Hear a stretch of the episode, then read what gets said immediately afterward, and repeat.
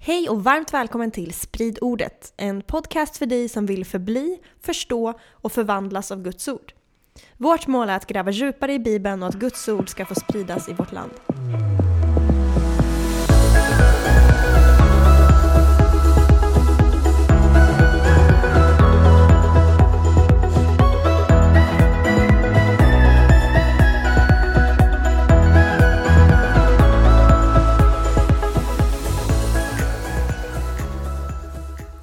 Ännu ett avsnitt. Nu kör vi. Vi är inne i en serie där vi pratar om Guds rike. Vi är inne på det åttonde avsnittet. Och eh, innan vi hoppar in i det så vill jag bara nämna två saker. För det första, eh, tack till er som lyssnar. Rata gärna oss på Spotify eller Apple Podcasts eller var ni nu lyssnar någonstans. Podbean eller vad det nu heter allt det här. Eh, och en spännande nyhet. Vi tänkte börja göra Q&As, alltså fråge, ja, frågor och svar eh, med bibelfrågor. Så om ni har några sådana, antingen från det ni har lyssnat eller helt random frågor, så kan ni mejla det till hej spridordet.se. Så eh, om det kommer in frågor så kanske vi gör episoder framöver lite, med lite jämna mellanrum. Så fortsätt skicka löpande under tiden. Eh, om ni inte skickar in idag så är det ingen som börjar gråta utan det finns mer tid till det framöver. Yes! Och eh, Guds rike. Nu men inte ännu. Var ja, är vi? Var är vi? Vi har gått igenom Bibeln från Hela från, vägen? Ja men, typ, oj, oj, oj. ja, men typ från början till slut, jag på att säga. Nej, men vi, har, vi har kommit in i Nya Testamentet och vi vi har kommit till, vi kommer att prata om breven nu. Förra gången pratade vi om evangelierna och Jesus liknelser och sånt. Och nu kommer vi komma in mer på Nya Testamentets lära. Liksom. Du har ju lovat att vi ska prata lite om framtiden. Är det idag eller är det nästa avsnitt? Eh, vad menar du med framtiden? Ja, alltså Guds rike, vi har ju pratat om att det inte är i sin fullhet. Ja, nej, men vi, det tar vi nästa episod. Okay, det, det, tar vi nästa episod. Då, då, kan vi prata tusenårsrike och eh, Håll ut! Kommande. Om ni är lika ivriga som jag, håll ut. Det kommer en framtid också. ja, jag ska också säga att jag, jag är lite sjuk här så jag får be om ursäkt för det. Jag på hör det. nej, men också, det var, det var roligt, jag hörde Tim Keller, han är en pastor i USA, eller var, eh, han var pastor i New York. Och eh, han, eh, han, hade, han berättade en story om hur, hur det var någon i hans kyrka som hade bjudit med sin vän och hans vän var sydamerikan. Mm -hmm. Och han som bjöd med var också sydamerikan. Och då så hade man behövt säga till honom långt innan så att eh, jag vill bara att du ska veta att min pastor tror på det han säger. Även fast han pratar så här lugnt och långsamt och att han inte är liksom helt uppeldad och skriker. Och, Kulturkrockarna. Ja men exakt, och då vill jag bara säga med det här, om jag inte är lika feisty som jag brukar vara när jag poddar med dig, då är det bara för att jag är sjuk. Jag är fortfarande lika passionerad och jag tror lika mycket på det jag säger. Jag tror att no någonting säger mig att du kommer komma igång här i alla fall. Ja, jag tror det med. Jag tror det med. Okej. Okay. Eh, nog, nog med bortförklaringar, nu kör vi. Ja. Eh, vi pratade förra gången om Jesu liknelser. Vi pratade jättemycket om det här att vad vi gör med riket här och nu avgör vår status och position i det kommande riket. Boom. Och eh, pratade om förvaltarskap och hur viktigt det är att leva väl som kristen. Så det jag tänkte kolla på nu är hur man lever väl som kristen. Har du något recept? Eller? ja, men egentligen, det jag tänkte mer, mer kolla på är väl så här, eh, att vara kristen i en nu men inte ännu tillvaro. Alltså vi kollar på den här spänningen. För att man skulle kunna prata om eh, en kingdom lifestyle, liksom hur man lever i riket i form av vet, kristen etik och moral. Mm -hmm. Och det att följa vishetsprinciper och eh, de här buden och allt sånt. Liksom bergspredikan och ödmjukhet, kärlek ja, och så vidare. Och, så vidare. Eh, och det kommer vi inte göra i den här episoden. Mm -hmm. eh, vi kommer inte göra någon episod om det i den här serien. Men det finns, så det slipper ni? Ja, det finns massa bra undervisning på det. Det har man säkert i kyrkan ändå de flesta söndagarna på ett år. Men det här är mer hur spänningen mellan nu och inte är för en kristne liksom, i vår tillvaro. Typ. Eh, leva i en paradox som kristen. Mm -hmm. Le alltså leva i nu men inte ännu. Ja, alltså exakt, Guds rika här ja, exakt, exakt. Okay. Och mm. försöka leva ut det. Liksom. Så ja, vi hoppar in direkt helt enkelt. Det här nu men inte ännu språket, vi har ju pratat om det i tidigare episoder. Det betyder alltså att Guds rike är här nu, men ändå inte ännu. Det vill säga Guds rike har kommit, men inte 100% i sin fullhet. För vi ser inte än att Jesus Kristus, Davids son, sitter i Jerusalem, regerar och det är världsfred på jorden. Det finns ingen mer sjukdom, det finns ingen mer död, det finns ingen mer sorg och plåga. Det ser vi inte ännu. Nähä. Och Obvious. Men vi ser här, det här teologin är över hela Bibeln. Vi kan till exempel läsa Hebreerbrevet. Låt oss göra det. Eh, kapitel 2, vers 7-8. En liten tid gjorde du honom ringare än änglarna och du krönte honom med härlighet och ära. Allt har du lagt under hans fötter. När han la allt under honom utelämnades inget. Allt skulle vara lagt under honom. Ännu ser vi inte allt vara lagt under honom. Så här har vi det. Allt har du lagt under hans fötter. Och ännu ser vi inte allt lagt under honom. Ser du? Allt är lagt under Jesu fötter, men ännu ser vi inte allt. Nej. Eller hur? Det är verkligen nu men inte ännu. Eh, ett annat exempel är 1 Johannesbrevet 3, eh, vers 2. Mina älskade, vi är nu Guds barn och vad vi ska bli är ännu inte uppenbarat. Men vi vet att när han vi vet att när han uppenbaras kommer vi att bli lika honom, ty då får vi se honom sådan han är. Så vi är nu Guds barn, men vad vi ska bli är ännu inte uppenbarat. Det är Mm. lite samma grej. Liksom. Mm. Och den här spänningen är, är liksom över hela Bibeln. Och om vi inte fattar det här, då är vi helt körda i, i vår läsning, förstå biblisk teologi. Det är liksom så här, vi har bibelord som Romarbrevet 8.30 som säger att kristna redan är förhärligade. Och så har vi Efesierbrevet 2.6 som säger att vi är placerade med Kristus i den himmelska världen. Så det verkar vara saker som vi är nu i den Mhm. andliga realitet vi befinner oss i. Och ändå så Vad det nu innebär. är ju inte det fysiskt. Alltså jag sitter ju inte i den himmelska världen med Kristus just nu. Jag sitter ju Här. här i vårt hem, liksom, vid vårt Det köksbord. Så du hänger med den här spänningen. Ja. Och, och, och Det jag tycker är så spännande nu är att vi ska kolla på bibelord som säger att vi är någonting men vi ännu inte är det som kristna. Ja. Och Det här handlar om kristen identitet och självbild liksom, så vi förstår vilka vi är som kristna. Hur Vi Viktigt. lever ut. Ja, det är otroligt viktigt. Så till exempel, enligt skriften är troende följande. Följande är att vi har redan tagit del av barnaskapet i Kristus, men vi väntar ännu på barnaskapet. Okej, vi har tagit Mhm. emot det, men vi väntar på det. Så vi ska läsa det nu. Romarbrevet 8.15 som säger att vi är Guds barn. Liksom. Yes. Ni har inte fått slaveriets ande så att ni på nytt skulle leva i fruktan. Nej, ni har fått barnaskapets ande i vilken vi ropar Abba, fader. Och sen ska vi läsa nu hur vi ännu väntar på barnaskapet. I samma kapitel. Vers 23. Och inte bara den, utan också vi som har fått anden som förstlingsfrukt. Också vi suckar inom oss och väntar på barnaskapet, vår kropps förlossning. Oj då. Så om någon frågar, om någon säger så här, är du Guds barn? Bara, ja. Ja, Men, men, du, men man kan också svara, jag väntar på att bli det. Och båda är sanna. det är lite snurrigt. För om man skulle säga i, i många kretsar idag, skulle man, om någon frågar, är du Guds barn? Så säger man, "Eh, jag väntar på att få uppleva det. Då skulle folk bara, eh, nej, nej, nej, nej, vad snackar du om?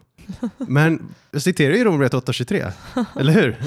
Inte riktigt lika poppis i lovsånger. Okej, vi tar, vi tar I'm nästa. waiting to be a child of God. Ja, men visst, visst. Ja, men det, och det är bibliskt. Och, och, Okej, vi läser nästa eh, koncept. Ja, Om friköpt. yes. Så vi är redan friköpta enligt Efesierbrevet 1.7, men vi väntar ännu på att bli friköpta i Efesierbrevet 4.30. Och det här kommer inte riktigt fram i svenska översättningen, för grekiska ordet där är lytron. Eh, Ja, precis så tänkte. du kommer få läsa också lytron efter du har läst själva ordet också sen. Så vi, vi börjar med Efesierbrevet 1.7. I honom är vi friköpta, lytteron, genom hans blod och har förlåtelse för våra synder på grund av den rika nåd. Just det, så där är vi det. Och sen läser vi Efesierbrevet 4.30 då. Bedröva inte Guds heliga ande som ni har fått som ett sigill för förlossningen, lytteron, förlossningens dag. Ja. Precis, så vi har där alltså, så vi är friköpta i Kristus, men vi har anden som, som är ett tecken för oss att vi väntar på friköpelsens dag, lyttrons dag. Så vi är friköpta men vi väntar på att bli friköpta. Mm. Och återigen i samma brev som Paulus skrivit. Alltså jag har ju läst det här typ hundra gånger, de här breven. Ja. Men jag känner mig lite korkad för jag har ju aldrig tänkt på det här. Nej, Man tänker bara, åh, jag är, jag är friköpt och jag väntar på alltså, i återkomsten typ, eller whatever. mm. Men jag har inte liksom kopplat de här grejerna att det här är liksom nu men inte ännu. just det. Just det. Och det är ännu mer, vi, vi kan prata mer om det strax här. Eh, vi är redan helgade i Kristus, men ännu inte helgade. Så första Korinthierbrevet 1, Den har jag tänkt på. Första Korinthierbrevet 1, 2, eller vi kan säga helig då. Vi är, ännu inte, vi är heliga, men vi är ännu inte heliga kan man Ja. också säga. Så i första Korinthierbrevet 1, 2 så står det att vi är det. Och i första Tess, eh, Thessalonikerbrevet 5, 23 står det att vi inte är det. Så, eh, eller ännu inte är det. ja. Vi läser det. Ja. Eh, ja, det, till Guds församling i Korint, det som helgats i Kristus Jesus, de kallade och heliga. Där har vi det. Vi är heliga. Wow. Mhm. Men vi är inte heliga. Okej, första Ja, ja. Tess 5, 23 då. Må fridens Gud själv helga er helt och fullt och må er ande, själ och kropp bevaras hela så att ni är utan fläck vid vår Herre Jesu Kristi ankomst. Men den här känns lite mer logisk på något sätt. Mhm. För att så här, ja, men man kallas de heliga, eh, det blir liksom identiteten men man jobbar på sin helgelse samtidigt. Mm. Den känns lite mer, Du är, mer, Obvious, du är mer van vid det språket. Ja, du är ja, mer van vid det och det teologiska känns språket. också lite mer svenskt och jantelagiskt. Mm. Okej, liksom. Att På vilket så här, sätt? Om jag bara, det, det är ingen som går runt och bara jag är helig, Ja, ja just jag det. Just är det. helig och Men det är fläckfri." många som går runt och bara jag är Guds barn, Ja, precis. woho! Men, Men, det här inte... är lite mer, nej men Ja. inte ska väl jag vara 100% helig heller. Nej, just det. Jag har ju mina fel och jag är inte så. Och det, då vittnar det nog faktiskt lite om också att man inte fattat att helhet är en gåva. Och man är väldigt bekväm med att säga jag är Guds barn. För det tycker man, liksom, Mm. det är självklart, man blir Precis. barn av en gåva. Men helighet, det är man inte lika bekväm att säga. För man tänker att det bara är en prestation. Mm. Helgelsen Mm, på något det. sätt. Som inte bara ska vara Djupt, prestation. o, djupt obibliskt Ja. blir det ju. Mm. Ja. Ja, vi tar ett annat koncept då. Se vad du tycker om det här då. Vi är redan frälsta i Kristus enligt Efesierbrevet 2.8. Men vi är inte ännu frälsta enligt Romarbrevet 5.9. Ja. Ja. Ska, ska jag läsa? ja, men kör. Ty av nåden är ni frälsta genom tron, inte av er själva. Guds gåva är det. Där vill man ju säga amen och halleluja. Och sen kommer den jobbiga då, Romarbrevet 5 och 9. När vi nu står som rättfärdiga genom hans blod, hur mycket säkrare ska vi då inte genom honom bli frälsta från vredesdomen? Och det var inte så jobbigt eftersom vi kommer Nej. bli det. Nej, precis. Men det finns en annan. Det, det jobbigare är ju arbeta på er frälsning. Ja, ska vi, ska vi ta fram den? Var står det någonstans? Det är i Filipperbrevet 2. Jag kan, jag kan ta fram den så ja, vi då läser får det. du läsa den. Filipperbrevet 2 här. Då står det så här. Eh, där, eh, vers 12. Därför mina älskade, liksom ni alltid varit lydiga så arbeta med fruktan och bävan på er frälsning. Inte bara som när jag var hos er, utan ännu mycket mer när jag ännu inte är hos er. För Gud är den som verkar i både vilja och gärning för att hans goda vilja ska ske. Den är ju lite mer så här, hur ska man eh, läsa det där? För det kan man ju tolka som, oj, är jag verkligen frälst? Mm. Jag har tagit emot Jesus, men tänk om frälsningen inte gäller just mig. Ja, det är ju ett språk av att vi Ja. är frälsta i Mm. Kristus genom tro. Efesierbrevet 2.8. Vi har Romarbrevet 5.9 som säger att vi kommer bli frälsta framöver på domedagen. Mm. Du kommer bli räddade. Och sen har du där i mitten på något sätt processen att arbeta på det här. Men är vi då det här med att vi kommer bli, är vi då inne i det här som vi pratade om med Daniels brev, att vara i en eh, kultur som, eh, eller visst pratar vi om det? Alltså det här är inte riktigt vårt hem liksom. Vi är på jorden Mm. och det finns massa kaos här. Men eh, vi kommer bli frälsta från kaoset här. Mm. Är det det man syftar på då? Att vi inte riktigt frälsta än? För vi lever fortfarande med sjukdom och orättvisor och naturkatastrofer. Ja, alltså, Eller? ja, kanske. kan- Alltså frälsningen handlar väl mycket om, i Bibeln handlar det om räddning från synden, eller hur? Ja. Så att, att bli- eh, arbeta på sin frälsning blir väl också någonstans att en process att bli mer och mer lik Jesus. Mm. Vi blir mer och mer fri från Ja, synd. egentligen, som vi kommer att prata om alldeles strax, så handlar det om att bli mer det du faktiskt redan är. Oj då, nu blev det avancerat. För du är det redan, för du har blivit förklarad rättfärdig, du har blivit förklarad frälst och allt det här. Och så ska du bli det du är.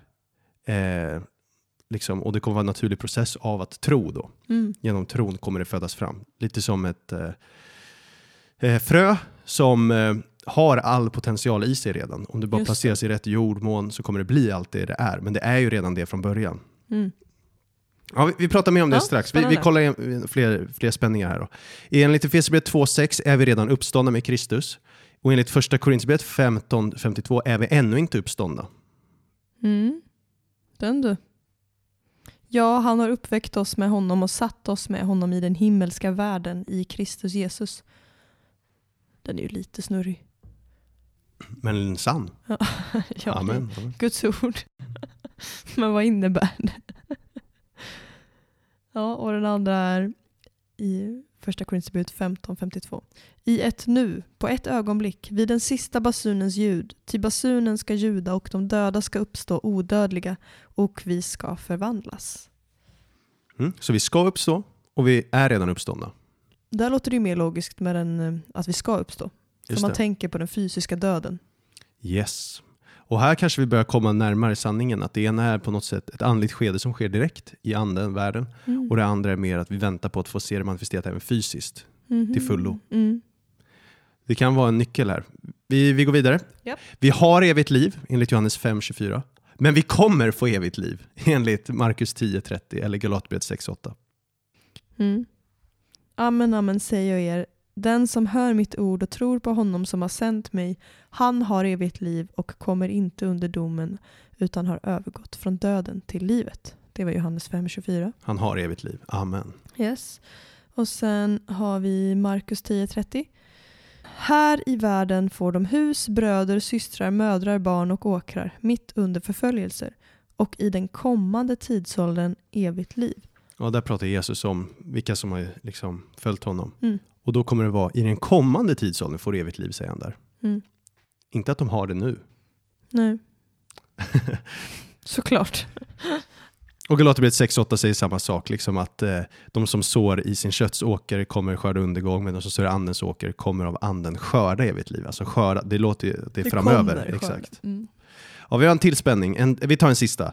Och det är att vi är redan rättfärdiga, men ännu inte. Enligt Romarbrevet 3.26 är vi rättfärdiga, men enligt Galaterbrevet 5.5 kommer vi bli rättfärdiga. I den tid som nu är ville han visa sin rättfärdighet, att han själv är rättfärdig, när han förklarar den rättfärdig som tror på Jesus. Ja. Och sen Galaterbrevet 5 och 5. Vi däremot väntar i anden genom tron på den rättfärdighet som är vårt hopp. Vi väntar på den rättfärdighet som är vårt hopp. Men hur Hur då? Ja, men då blir det så. funkar allt det här? Ja, hur funkar allt det? Vi kan ju prata lite om vad du känner och tänker, men pa Paulus men, eh, tycka, känna, tänka teologi här istället. Nej. tycker att... Nej, vi vill ta reda Det på vad spelar Bibeln någon roll säger. vad jag tycker. Ja, amen, amen. Men Paulus, han menar att vi inte är rättfärdiggjorda. Nej, jag skojar, det är inte det han menar. Han menar att vi är rättfärdiggjorda. Eller hur? Genom Jesus. Ja, när vi tror på Jesus. Mhm. Alltså vi har rätt ställning med Gud. Och som att när Gud ser oss ser han Jesus Kristus rättfärdighet. Så lika bra som Jesus är, så bra är vi i Guds ögon genom tron. Inte i oss själva. Istället, nu när Paulus säger vi väntar på rättfärdigheten som är vårt hopp.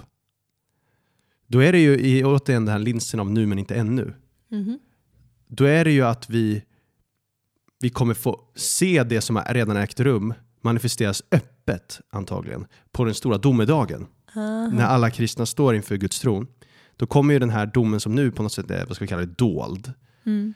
bli helt öppen. För när man står inför Gud så kommer man säga, jag förklarar dig rättfärdig. Ja. Fast du redan är det i Kristus ju. Men det kommer bli, det som har redan skett, ägt rum kommer manifesteras tydligt och klart öppet. Precis som att med allt annat med nu men inte ännu, att Jesus har redan vunnit seger, men det kommer manifesteras öppet då när han kommer tillbaka. Så. Mm. Vad tänker du när du hör allt det här? Paradoxalt. Ehm, spännande. Det känns... Varför spelar det någon roll vad det känns? Eh, Nej, Lever du i det? Lever du i båda sanningarna samtidigt? alltså vissa av dem lät ju enklare, Ja. som sagt. Alltså typ, det ena känns som identiteten man får när man blir frälst. Mhm. Men vi är inte klara. Nej. Så på ett sätt tycker jag att det låter väldigt logiskt. Mm, mm. Ehm, för att annars hade vi inte behövt någon mening med livet. Något mål, någonting vi längtar, ett framtidshopp. Mm. Annars hade det ju bara räckt att säga ja till Jesus Mm. Mm. och sen är allt klart. Mm. Då kan vi lika gärna döda oss själva för då är vi färdiga. alltså rent krasst. Ja, eller dö menar du bara. Ja, exakt. Ja, nej, jag hade faktiskt en konversation när jag var tonåring Ja. med någon jag träffade på ett läger som var ganska deppig. Ja. Och som bara, men jag är ju redan kristen, varför kan jag inte bara få komma hem till himlen? Mm, just det. Och jag hade ingen aning vad jag skulle svara för jag hade ju aldrig lyssnat på Sprid ordet med Petrus. Nej men slut. Eh, Nej men visst, det, det är en legitim fråga, men då i ljuset av det vi pratade om förra episoden så blir det väldigt mycket vad du gör med livet här och nu har väldigt mycket implikationer på kommande världen. ja, plus att det här är också en väldigt, att tänka så är också en väldigt individuell tanke. Mm. Då är det liksom som att mitt liv handlar bara om mig. Just det. Och det gör det ju inte. Så jag sa säkert Nej. något om mitt 15-åriga visdom om det, är min gissning. Ja, ja, ja, ja. Ja, och det där är så spännande, att, mm, det här med individuellt tänkande och kollektivt tänkande. Men det får vi prata om någon annan gång. men, men, där, men det här med paradoxen, det är väldigt mycket bara att, eh, ja men vad ska man säga? Okej, vi- jag tar lite teologi först så kan vi prata sen eh, lite mer om, det är en teologisk typ, vad jag tänker, hur jag tänker kring det här. Det är att det handlar mycket om eskatologi.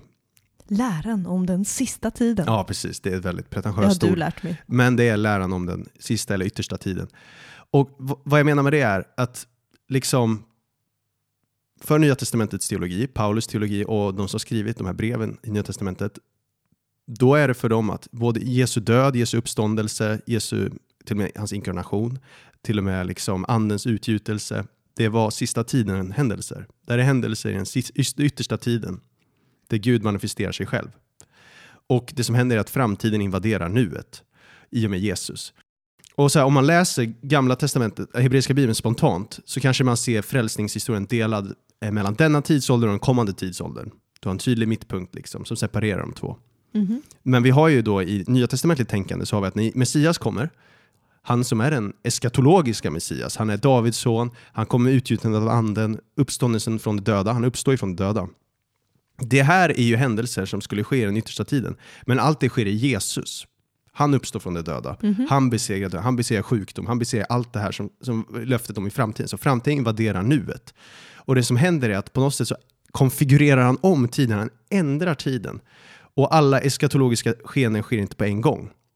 Eh, utan då blir det att när man tror på Jesus, då kan man ta del av det han har eh, åstadkommit.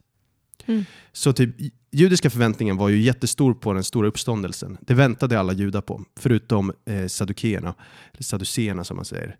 Eh, och det, finns en, det finns en rolig engelsk ordlek som man kan komma ihåg att saddu- saddukeerna inte eh, trodde på uppståndelsen och änglar och det övernaturliga. Mhm. Det, det var att eh, That's why they were sad you see. Sad you see. Det var därför de var ledsna, för de trodde inte. Men Då, kan man, då, då blandar man inte ihop det. Oh dear. Ja, men hur som helst, alltså, Nya Testamentets författare älskar att säga att sista tiden inleddes med Jesus. Det, det står på flera ställen så att han var utsedd för världens eh, skapelse, men i dessa sista tider har han uppenbarats för er skull. Står det i första Petrusbrevet. Mm. Eller sedan Gud i forna tider många gånger på många sätt talat till fäderna genom profeterna har nu i den sista tiden talat till oss genom sin son. Hebreerbrevet 1. Eller nu har han trätt fram en gång för alla vid tidernas slut för att genom sitt offer utplåna synden. Tidernas slut, står det i Rom- Mm. eh, Hebreerbrevet 9. Så att vi är i den sista tiden, och ändå är det ju inte slutet. För att vi är inte vid den yttersta, yttersta tiden. Är du säker? Eller vi står för, dörren, det, det tror jag verkligen. Men, men du, du hajar vad jag menar. Liksom. Vi, vi, inte i, eh, Jesus, vi ser inte Jesus komma eh, med molnen ännu.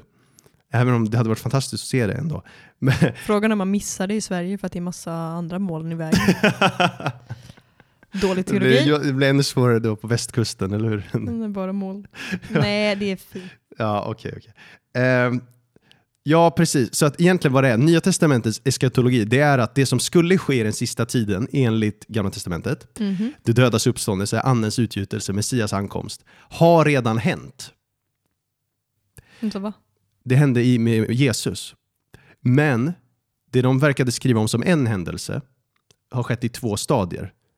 Aha. Så det skedde i personen Jesus Kristus. Och då kan vi ta del av det när vi tror på honom. Då blir vi i Kristus. Så allt han är och har gjort och åstadkommit kan vi Mm. ta del av den välsignelsen. Och när vi tror på honom, då äger något rum i andevärlden. Vi får en handpenning, ett sigill, för att tala bibliska, en garant. Garant står det i någon Ja. översättning. Där, av, I form av anden som är kvittot på att det här har faktiskt ägt rum. Och är liksom kvittot på att det här kommer manifesteras öppet en dag i det fysiska. Så varför vi kan ta del av framtiden här och nu är för att det Jesus gjorde, dog och uppstod, det var eskatologiska välsignelser vi kan ta del av nu genom tron. Och kan du sammanfatta det här i typ en mening? I en mening är det så här, ehm, den sista tidens välsignelser är alla inbakade i Jesus. Och när vi tror på Jesus kan vi ta del av det här och nu. Och vi kommer få upp eh, fullheten av honom när han kommer tillbaks. Jag vet inte. Det var en lång mening, men du fick in att baka och det var kul. Ja, men det, det är svårt, men eh, Bra. Very well done. det är lite teologin. Typ så här. Så det är väl som att det, det är två tidsåldrar som håller på att överlappar. Där, där framtidens överlappning inte kommit till sin fullhet förrän Jesus kommer tillbaks. Och den gamla tidsåldern finns inte längre. Utan det är den gamla och nya samtidigt i en överlappning. Så att eh, den gamla finns ju fortfarande och den nya finns nu. Och de samspelar nu tills den nya tar över helt och fullt. Jag önskar ni kunde se Petrus fina gest gester här i rummet. Ja, det är lätt. Passionerat. Vi får börja ha en trots videopodd. förkylning. Men ja, så Nya Testamentet pratar inte bara om de här nu men inte ännu, utan det är också det här att det står att vi är den nuvarande onda tidsåldern och det kommande riket är liksom två spänningar, typ eller lagen versus nåden, eller slaveri versus frihet, eller gärningar versus tro, eller Mm. fördömelse versus frikänning, död versus liv, gamla människan versus nya människan, köttet versus anden. Och vi lever alltså i en teologisk spänning, typ.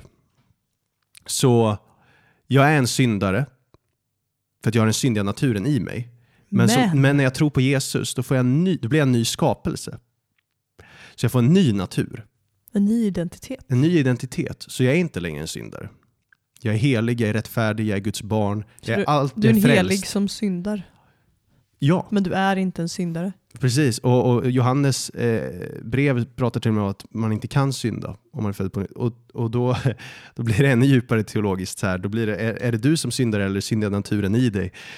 Kan man då bortförklara när man syndar? För Ja. säger inte vad jag. Precis.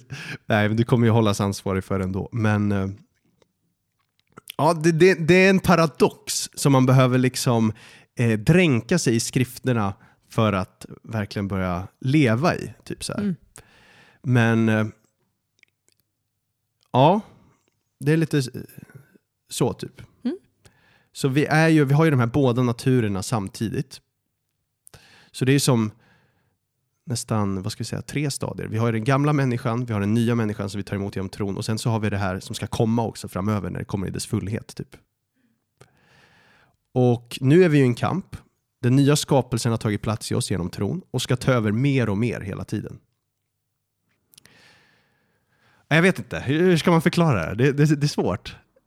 Tycker du det är svårt eller, eller när jag pratar nu? Eller blir du förvirrad eller tycker du det är tydligt? Ja. Ja, det är ditt svar. Svarade att det var inte tydligt.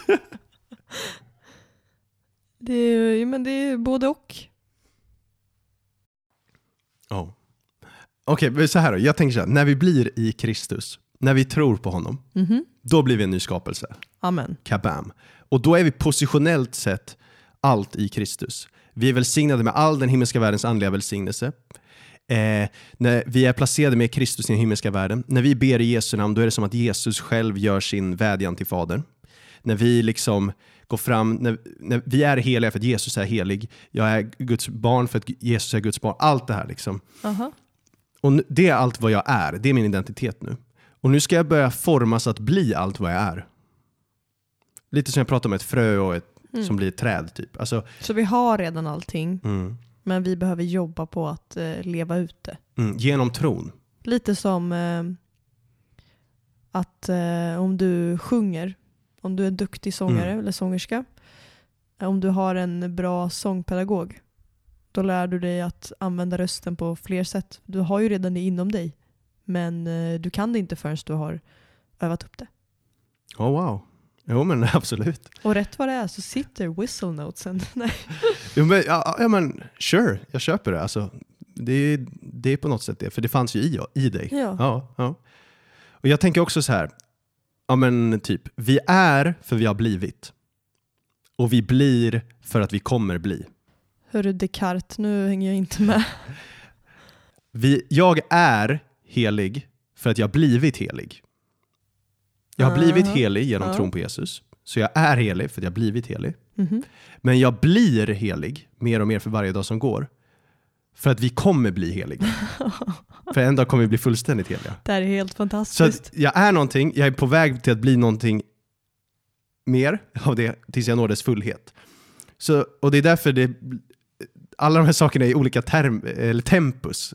Typ, jag, är, jag har blivit frälst, jag blir frälst och jag kommer bli frälst. Typ perfekt pres, presens futurum, den grejen. Eller Mm. jag, jag är rättfärdig, jag blir rättfärdig, jag kommer bli rättfärdig. Jag är Guds barn, jag blir Guds barn mer och mer och jag kommer bli Guds barn. Alltså den grejen. Mm. Och bara jag säger det kanske någon blir obekväm, men vi har ju precis prooftextat det och läst bibelord som, som vittnar om det. Så här. Och då är vår utmaning och uppmaning i allt det här att tro på att det Jesus gjorde redan är vårt nu. Mm.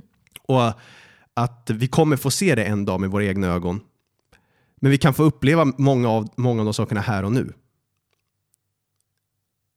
Men fullheten kommer ju när Jesus kommer tillbaks. Mm.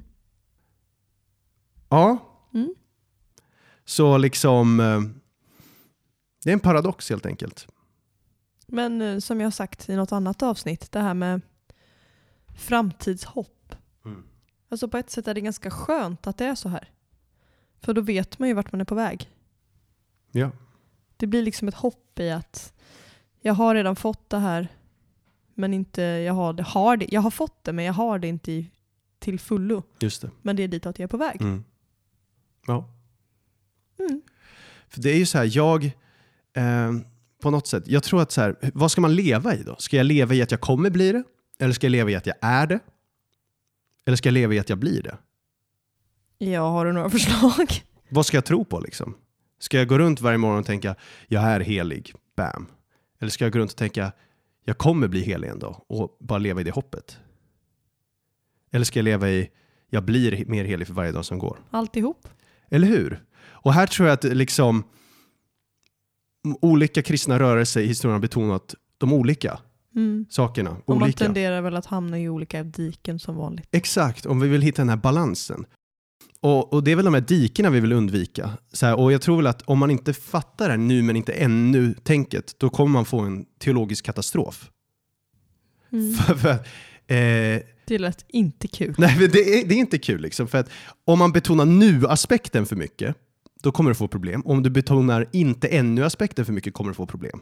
Ja. Ehm, man kanske börjar tro att det finns två sätt att bli frälst på om man betonar eh, den ena aspekten för mycket. Så här, låt säga att man betonar jättemycket den kommande frälsningen, så blir det att man börjar tro att man måste göra saker för att förtjäna sin frälsning Mm. till exempel. Fast det bara handlar om tron. Eh, nej men jag vet inte, vad, vad tänker du? Typ, vad tror du faran är om man betonar eh, nu för mycket? Att Guds rike är här och nu för mycket. Och då tänker vi brett. Vi tänker inte bara kristen identitet utan även säg helanden, tecken under allt. V- vad är faran om man betonar att Guds rike är här nu för mycket? När man inte ser att det bryter igenom, Mm. då får du en troskris. Just För det. om det, allting redan är här nu, Mm. då blir det ju varför blev inte min mamma helad från cancer till Just det. exempel. Och då tror du att Gud har övergett just dig. Ja. Eh, och om man tänker identitetswise, att jag är redan allting, då tänker man att vad jag gör spelar ingen roll. För att jag är redan helig. Just jag är det. ingen syndare, så jag kan göra vad jag vill. Mm. Lite det som Paulus varnar för, att nu när ni har fått nåden, gå inte och gör massa skit. Fast Just det. Så, så säger Ja. han inte. Men. Ja, men Du fattar. Ja, absolut. Aha. absolut. Så det är väl två, två diken man kan hamna i om man tänker nu. Tänker Du- du på något mer? Alltså, jag funderar på också om det här man ofta kallar framgångsteologi tenderar att ha en betoning på nuet väldigt mycket. För man På säger vilket att, sätt? Jo, men så här, fram, framgångsteologin är mycket så här, att jag ser bibelställen där det står att Gud utlovar välsignelser till dig. Eh, där Gud utlovar fullständig hälsa, välgång, välmående, det. välstånd, allt där. Och Gud utlovar det. Mm. Men om du betonar det för mycket liksom, så kan du tänka att ehm, Ja, men för att eh, Gud har lovat att eh, riket är här nu Mm, och därför så ska jag få allting nu. Då finns det också en risk att man ser ner på andra människor. Mm. Att du är eh, sjuk och det, bety- det är för att du är Mindre andlig. du är mindre andlig eller Mm. du är fattig och det är ditt fel eller du är mindre andlig eller du tror inte tillräckligt mycket. Mm. Ja, just den sista kanske mest. Ja. Du har inte tillräckligt med tro, därför är du sjuk. ja. Du har inte tillräckligt med tro. Och det är en lögn. ja, absolut. Även om tron är en väldigt viktig faktor i att få uppleva Guds rikets genombrott här och nu. Mm. Eh, i otroligt sådana, viktig. I sådana fall var ju Paulus den med minst tro, för han satt i fängelse, så han hade ju verkligen misslyckats i här och nuet. Ja, om du bara ser till materiella välsignelser så. Ja. Ja. exakt. Alltså om man tänker i den Ja. kontexten av framgångsteologi. Ja. Okej, vad, vad tror du då är faran om man betonar för mycket av att Guds rike kommer? Så att man underbetonar nuet, att Guds rike är här nu. Dels tänker jag att varför ska jag då be för sjuka? Mm. Eh, Varför ska jag då be för saker?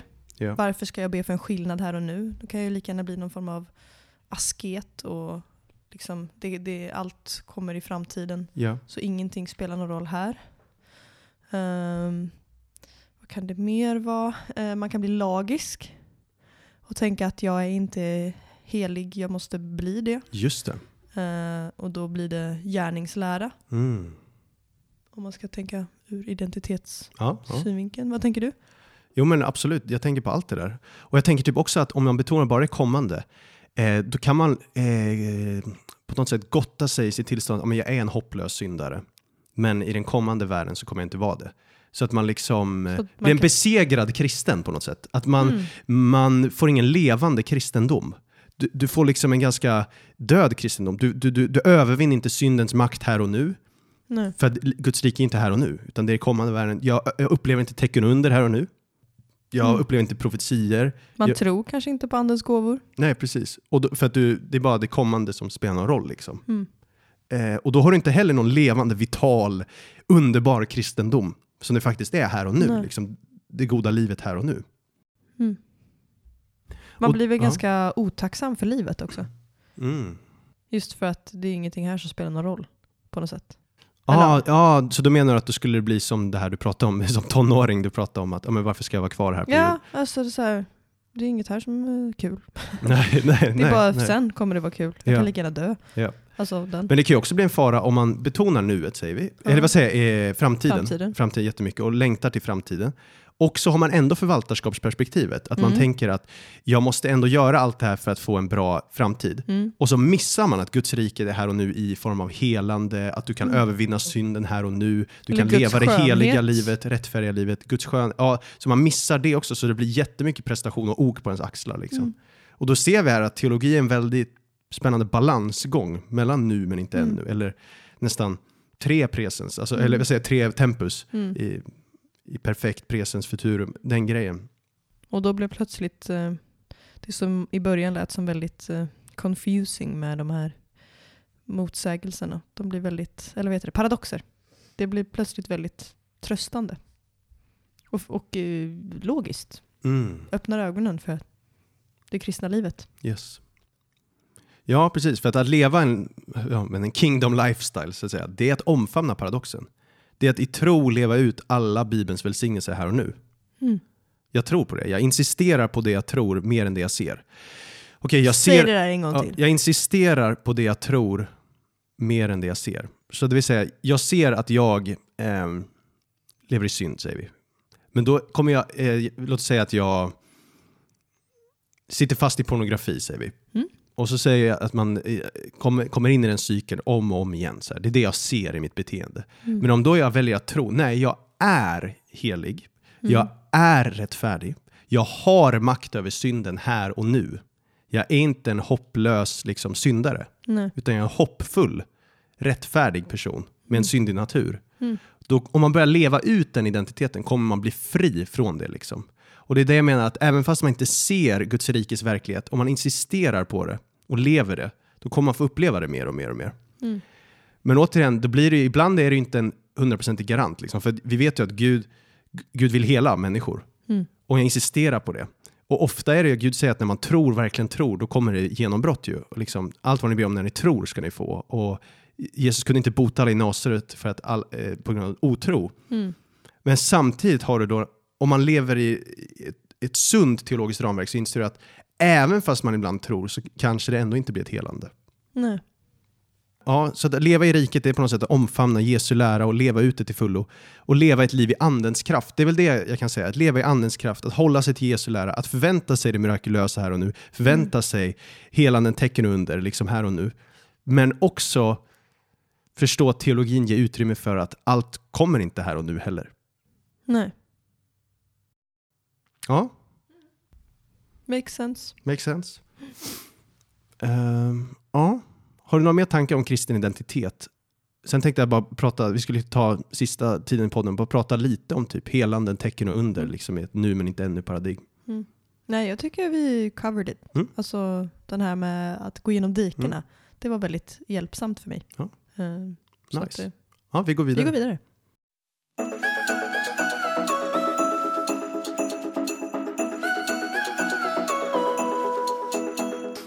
Yes. Guds rike är här och nu. Kan jag få ett amen? Amen. Amen. Det betyder att helanden, tecken och under finns tillgängligt här och nu. Come on, somebody. Och vi läser det bara så att vi bara sjunker ner i vår ande här. Halleluja. Matteus 10, vers 7-8. Och där ni går fram ska ni predika. Himmelriket är nu här. Bota sjuka, uppväck döda, gör spetälska rena och driv ut onda andar. Det ni har fått som gåva, ge det som gåva. Come on, alltså. Så det här är verkligen att himmelriket finns på jorden tillgängligt. Det är nära så att säga. Det Mm. är, vi är i en övergångsfas. Och då är tecknet på det att sjuka kan bli botade, döda kan uppstå, spetälska kan bli rena, onda andar kan drivas ut. Och det här sker än idag. Det här tror du och jag helhjärtat på. Vi har sett tecken under själva.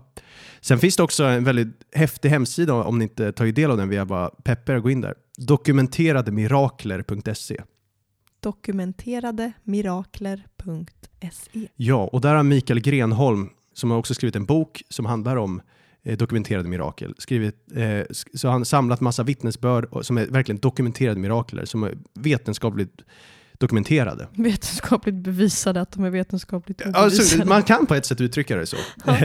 eh, och gå igenom massa sådana exempel som vi har i modern tid. Och inte bara helanden, utan även språkmirakler där folk har börjat tala i tungor, alltså annat språk än vad de själva kunnat tala. Liksom. Så någon kan börja tala franska utan att någonsin kunna det, eller någon börjar tala hebreiska plötsligt utan att den kunde det och så vidare. Tänk om jag kunde få så kring grejer. Matte. Flytande matte. Flytande matt. ja, och, men det här är för, förstås ett ämne som upprör många på något sätt. Det är också en dividing line. När Jesus gick på jorden så var det när han helade folk som de religiösa blev upprörda. Ja. Det fanns inget som upprörde fariseerna mer än när Jesus helade folk. Eller hur? Och det är någonting med helanden, tecken och under, som upprör religiösa personer. Och när jag säger religiösa, då menar jag inte eh, Kristna generellt. ande, tror- andefyllda kristna människor, utan jag använder reli- religion som någon, någon form av liksom Lagiskt. lagisk Tro. tro. tro eh, inte, ja, lagiskt eh, system liksom, Ja. för att upphöja sig själv eller för att eh, ja, bara kämpa i egen kraft. Sådär. Så vi, och vi ser det att det upprördes där. Och, så vi vill inte vara som fariseerna, vi vill inte vara så här förneka eh, de här grejerna eller stå emot det. Och samtidigt så har vi ju hur vissa inte blir helade medan andra blir det när vi ber för människor. Mm. Och varför är det så? För att Guds rike är inte här helt ännu. Ja, Men ibland så. Men ibland är det. Och, men återigen, det, det finns ju andra, liksom, vi ser flera mönster i skriften, till exempel tro är en viktig nyckelfaktor. Det är ju Mm. Bibeln klart. Mm. Vi vet att det finns en gåva att bota sjuka, en Mm. nådegåva, så att vissa har det. Eh, Vissa har en särskild nåd Mm. att be för sjuka. Alla kan ju be för sjuka så de blir helade men vissa är mer starka i den specifika yes, gåvan. exakt. Och så här, och, eh, det finns olika liksom, varianter, men men vi lever bara i en unik dimension nu, så här, där, där det är en parallell mellan världens fallenhet och den framtida härligheten, där de alla samexisterar på något sätt. Mm. Och i slutändan vet vi att all sjukdom kommer utplånas. Det var Jesajas löfte.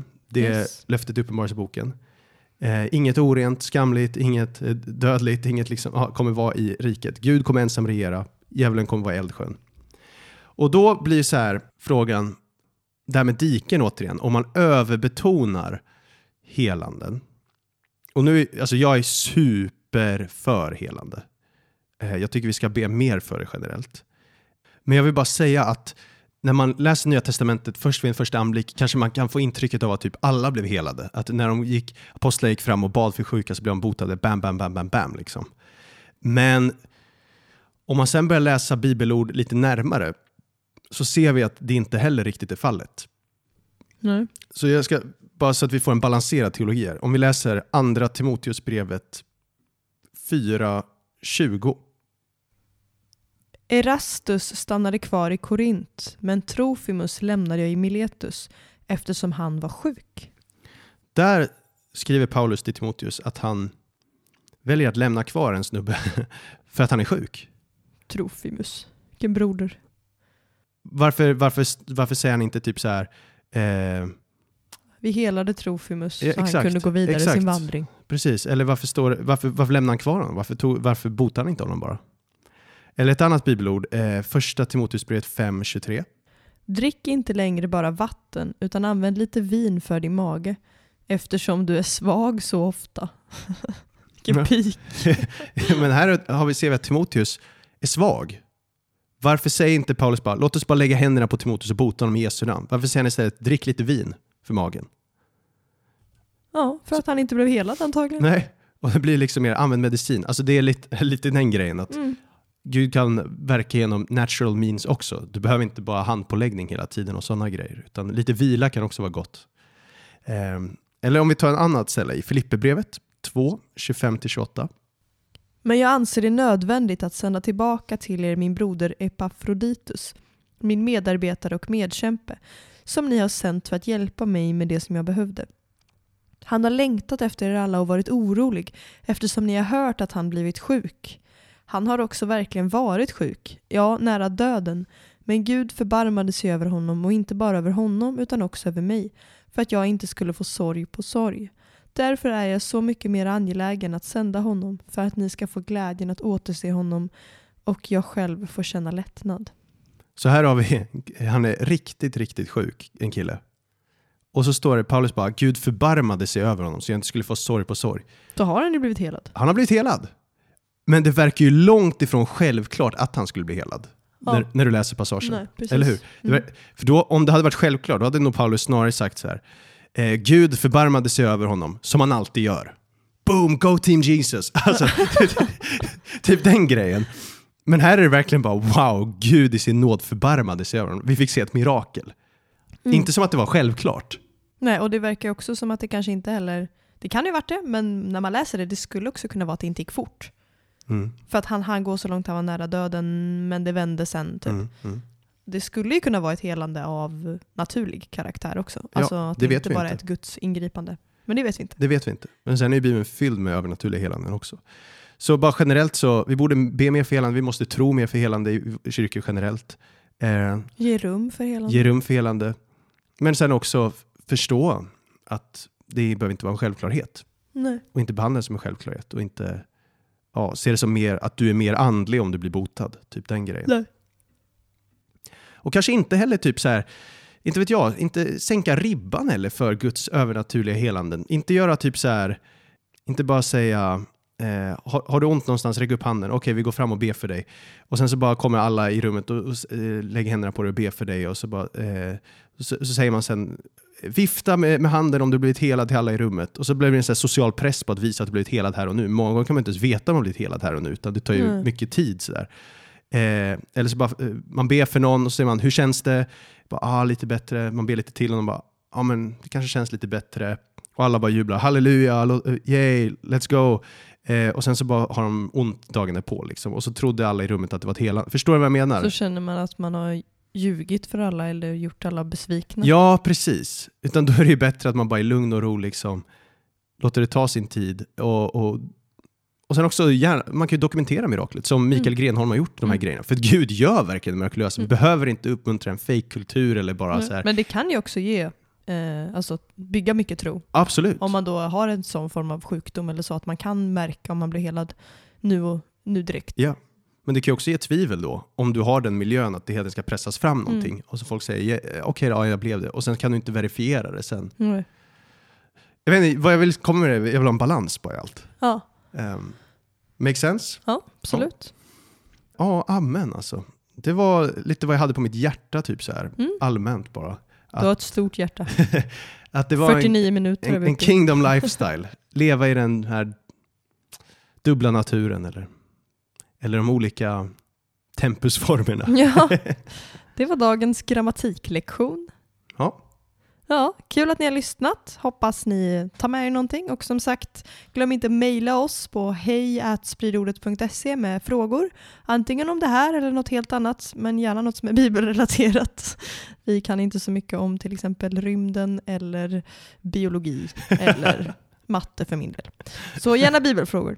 Eh, och glöm inte att rata oss och reviewa och allt kul. Och hör av er. Vi tycker det är så kul att höra från er.